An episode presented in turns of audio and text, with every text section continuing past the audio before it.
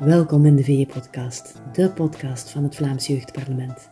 Ik ben Lore Ramon en in een trilogie van podcasts laat ik de jeugdministers van de simulatie van dit jaar aan het woord over hun decreet. Vandaag in de virtuele studio de jeugdminister van Kanselarij, Bestuur, Buitenlandse Zaken en Justitie, die zichzelf graag eerst even voorstelt. Volledige naam? Uh, ja, mijn volledige naam is gewoon Arno Baas eigenlijk. Woonplaats? Uh, momenteel woon ik in uh, Vroenhoven, Limburg, dus juist een kilometer, anderhalf kilometer buiten Maastricht, maar zijn nog wel juist in, in, in, op het grondgebied van België. Leeftijd? Uh, momenteel ben ik 22 jaar en ik ben geboren in 99, dus maar op de 19e juli. Dus ook nog niet zo heel lang dat ik 22 ben. Beroep? Goh ja, ik, ik, weet niet goed juist of ik hier gewoon student moet zetten, want ik, ik, ben, ik ben nog student. Maar aan de andere kant werk ik ook wel als, als, als jobstudent en, en ook niet weinig. Dus ik, heb toch, ik ga toch opteren om ook te zeggen dat ik media-analyse ben. Bij een bedrijf dat eigenlijk uh, media-analyses en media-monitoring doet voor uh, verschillende internationale klanten. Functie in het Vlaams Jeugdparlement. Ja, dit jaar, dit jaar ben ik minister, anders had ik hier nu ook niet in, in de podcast gezeten. Maar dit is uh, dit jaar ondertussen mijn vierde deelname. Ik, ja, ik, ben, ik ben jaren terug in 2018, als ik me niet vergis, um, begonnen als, als gewone deelnemer.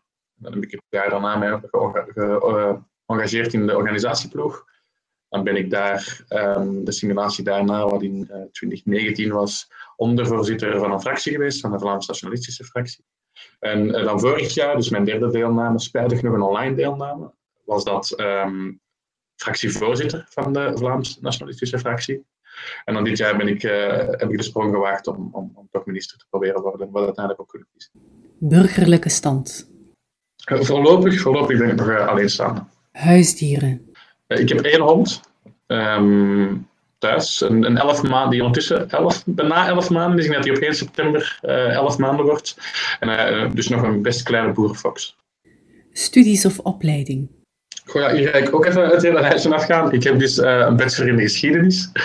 Um, ik ben mijn master in de internationale betrekkingen en diplomatie aan het afronden. En ik ben dan ook begonnen vorig jaar al aan een bachelor in de rechten. En ik zal daar waarschijnlijk nog een master in de rechten aan. Kleur van je tandenborstel? Goh ja, um, ik poets elektrisch. Um, dus mijn, het handvat van mijn tandenborstel is eigenlijk zwart. En uh, het borsteltje, daar kun je zo een gekleurd ringetje aan hangen. Naar gelang je, je gemoedstoestand doe ik dat altijd. Dus bij mij is dat uh, naar politieke voorkeur uh, blauw. Net zoals mijn medeminister blijkbaar ook een donkerblauwe tandenborstel heeft. Dus dat kan ik eigenlijk alleen maar aanmoedigen. Wat denk jij dat anderen van je willen weten? Goh, ik ga hier um, een klein verhaaltje vertellen. Waarom? Ik ben, ik ben best op mijn privacy gesteld, dus ik ga eigenlijk niks, uh, niks, niks, niks redelijk recents meegeven. Maar ik kan wel een verhaaltje vertellen en ik hoop dat het Openbaar Ministerie niet meeluistert, want ik heb eigenlijk ooit iets best illegaals gedaan. Ik heb namelijk ooit, en dat was, dat was in het middelbaar, dus ik, was toen nog minderjarig als dat een verzachtende omstandigheid zou zijn voor het Openbaar Ministerie. Um, was ik een cake aan het bakken met een paar vrienden voor ons mondeling examen Frans, omdat we moesten zo'n dialoogje doen in verband met, met, het, uh, met het restaurant en, en, iets koken en dan consumeren en dergelijke meer. En dus we gingen de cake bakken en we komen bij die, bij die desbetreffende uh, jonge heer thuis. En we gaan dus de boter smelten, maar dat lukte niet goed in de pan, want hoe oud waren wij? 13, 14 en we wisten nog niet hoe te koken. Dus we gingen dat smelten in de microgolf. Maar dus die microgolf open en daar ligt echt een smak, een smak aan, aan, aan cashgeld. Dus wij smelten die boter in die, in die, in die uh, microgolf, ja, weliswaar nadat we dat geld er eerst hebben uitgehaald. Vervolgens, um, oh, die boter is wat gesmolten, maar de microgolf staat nog aan, dus we doen de microgolf open, we halen die boter eruit. Er staan nog 20, 30 seconden op de timer. We denken van ja, we moeten nu met dat geld we kunnen dat toch niet laten liggen in de keuken. Oh, dus we denken, we steppen dat op de plek waar we dat gevonden hebben, dus we stoppen dat erin. En dat deurtje terug dicht. Ja, niet bij besef op dat moment dat die timer nog liep. Dus iemand gaat even bellen met zijn ouders, omdat die belde. Iemand gaat anders in de keuken verder doen aan die boter. En ik ging even naar de tuin, luchtje scheppen. En die komt terug, terug, dus terug binnen via de veranda. En ik kijk naar de keuken en ik zie zo echt die vlammen, dat vuur in die microgolf. Ja, pas op, geld dat staat in brand.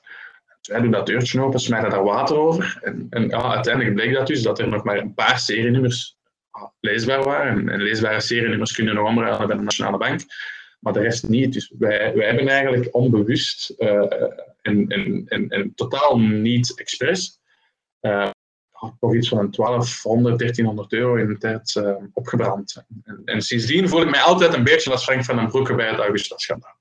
Dus dat was eigenlijk het, het, korte verhaaltje over iets wat mensen misschien bij mij zouden kunnen weten. En deelnemers, zeker, um, als jullie mij zien op de simulatie en jullie deze podcast beluistert, spreek mij zeker eens per adres aan met minister Van den Broek. Van harte welkom. Zojuist deed je je parcours als lid van het VEP uit de doeken. Wat motiveerde je om nu voor de ministerpost te gaan? Als je deelnemer bent, of zeker nadien fractieleiding, dan um, moet je eigenlijk handelen op de thema's die gegeven zijn. En deze keer had ik wel echt het idee van ik wil eens zelf de thema's op tafel leggen. We hebben een decreet of we hebben een, een, een thema waar we rond kunnen werken, maar nu wilde ik zelf eens expliciet thema's die mij nou, nou aan het hart liggen en die ik vind dat behandeld moeten worden in een simulatie, zelf op de agenda zetten. In plaats van eigenlijk te moeten handelen en te moeten verbeteren, wilde ik deze keer eens met het, met het beginproduct eigenlijk uh, op de proppen komen. Om het ministerschap op te nemen schreef je het decreet betreffende performante slachtofferhulp bij intrafamiliaal geweld en diverse aanpassingen aan het binnenlands en buitenlands bestuur, als ook het Vlaams personeelsbeleid. Een hele mond vol. Uh, hoe is dit ontstaan? Ja, het, is een hele mond vol en ik, ik heb ook geprobeerd, um, en dat, dat kunt u ook al wel horen en lezen in de titel, om bij elk van de individuele bevoegdheidsdomeinen die gegroepeerd zijn onder KBBJ, wat kanselarij, bestuur, buitenlandse zaken en justities, om daar eigenlijk alles van in één decreet um, te steken, gewoon omdat dat zo'n zo'n omvangrijk, zo'n belangrijk thema is ook.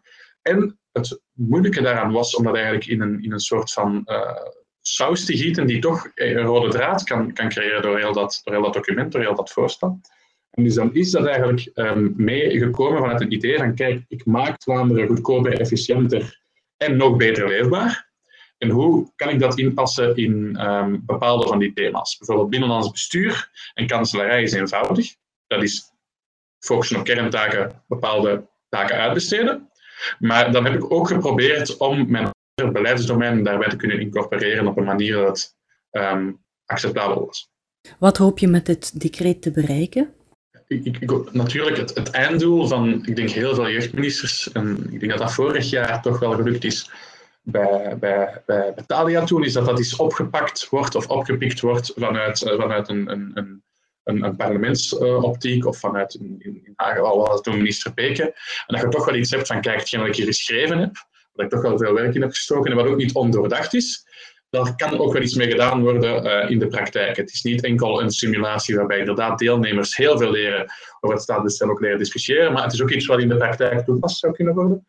Mm, dat is, dat is eigenlijk denk ik het einddoel van heel veel ministers, maar het, het doel, simulatiedoel is dat er door heel veel deelnemers kritisch zal nagedacht worden over hoe dan ons intern staatsbestel van Vlaanderen eruit ziet, dat ons Vlaams, Vlaams buitenlands beleid eruit ziet en veranderd kan worden. Want dat is volgens mij een thema waar dat heel weinig mensen um, genoeg over weten. En hoe dat, um, eigenlijk, hoe dat het eigenlijk zit met de bevoegdheidsverdelingen. Ze daar een coherent, coherente discussie, een coherent verhaal en een, een, een, een mooi, uh, mooi ontwerp van decreet mee aan kunnen maken. Kan je een van de thema's die je in je decreet behandelt toelichten? Ik ga um, hier beginnen met, met, met meest uh, staatsrechtelijk gerichte. En dat is eigenlijk um, dat ik probeer, ga proberen het intern staatsbestel van, de, van, van, van, het Vlaams gewest zo aan te passen dat we de provincies kunnen afschaffen en eigenlijk die bevoegdheidsverdeling kunnen maken enerzijds terug in naar, de Vlaam, naar, naar het Vlaams gewest en anderzijds iets naar een bovengemeentelijk niveau. Spijtig genoeg is het, is, het, is het staatsrechtelijk niet mogelijk om gewoon heel, heel dat niveau, heel dat niveau af te schaffen. Maar ik denk door die provincies af te schaffen, en, en dat eigenlijk een beetje te enten op de, de, de bestuursregio's, de bestuurszones die nu uh, ook al door, door uh, Bart Somers is zijn geopteerd, dat dat eigenlijk toch wel een goedkopere, efficiëntere staatsstructuur zijn. En dus dat is wat ik in, in mijn bijzonder decreet, dat deel van, mijn ontwerp van decreet, uh, wil trachten te doen. En dat is dus eigenlijk het, het Vlaams staatsbestel een beetje uh, te beperken, een beetje terug op zichzelf te laten plooien en efficiënter te laten werken. Ik, ik hoor u zeggen provincies afschaffen richting het uh, voorstel van Bart Somers gaan. Eigenlijk ja, de structuren binnen Vlaanderen en België misschien dan ook efficiënter aanpakken. Uh, heel ambitieuze plannen zijn dat. Hoe ziet de realiteit uitgewerkt worden?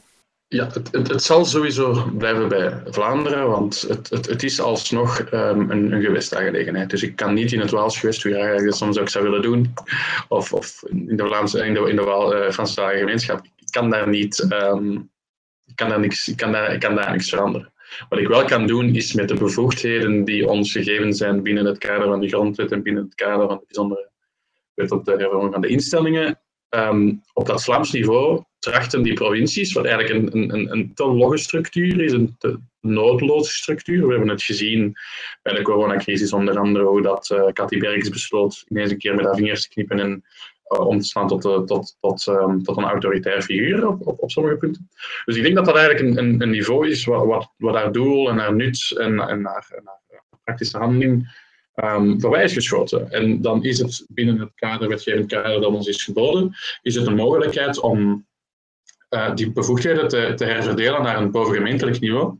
En ik denk dat dat beter is. Waarom? Men heeft al veel intergemeentelijke um, samenwerkingen.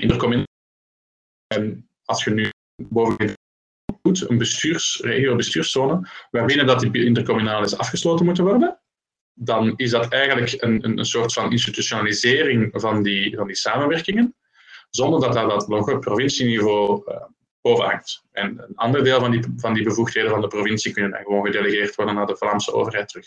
Dat zijn dan de grote bevoegdheden in zaken de economische bevoegdheden dat de provincies bepaalt. Eventueel uh, de gouverneur moest bij bepaalde uh, wapenvergunningen moet hij nog toestemming geven individueel. Dat kan eigenlijk allemaal afgehandeld worden op Vlaams niveau.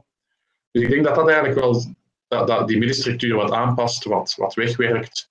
En dan eigenlijk enerzijds een, een, een meer uh, gekaderd, um, gekaderde structuur biedt voor intergemeentelijke samenwerkingen. Eventuele, eventuele uh, gemeentefusies, wat ook aan, aan bod komt uh, in, mijn, in mijn decreet. Dus het, zoals, zoals jullie kunnen horen en zien, het past wel allemaal in elkaar. Um, en anderzijds um, gewoon bevoegdheden waarvan het niet logisch is dat ze bij de provincies zitten, uh, duidelijk herverdelen. Binnenkort wordt je decreet voorgesteld aan het parlement. Hoe denk je dat ze daarop zullen reageren? Voorzie je discussiepunten over bepaalde thema's? Goh, ik denk, en daar ben ik langs de ene kant heel blij mee, is dat over uh, het globale decreet gezien, omdat er best heel veel verschillende insteken in zitten, dat dit het decreet bij uitstek zal zijn waar dat de mogelijkheid bestaat dat wisselcoalities gevormd zullen worden. Want ik kan mij niet voorstellen dat partijen aan de linkerkant zullen akkoord gaan met bepaalde afbouwingen van, van, van, van de overheidsstructuur of van, van, agentschappen die er momenteel uh, bestaan.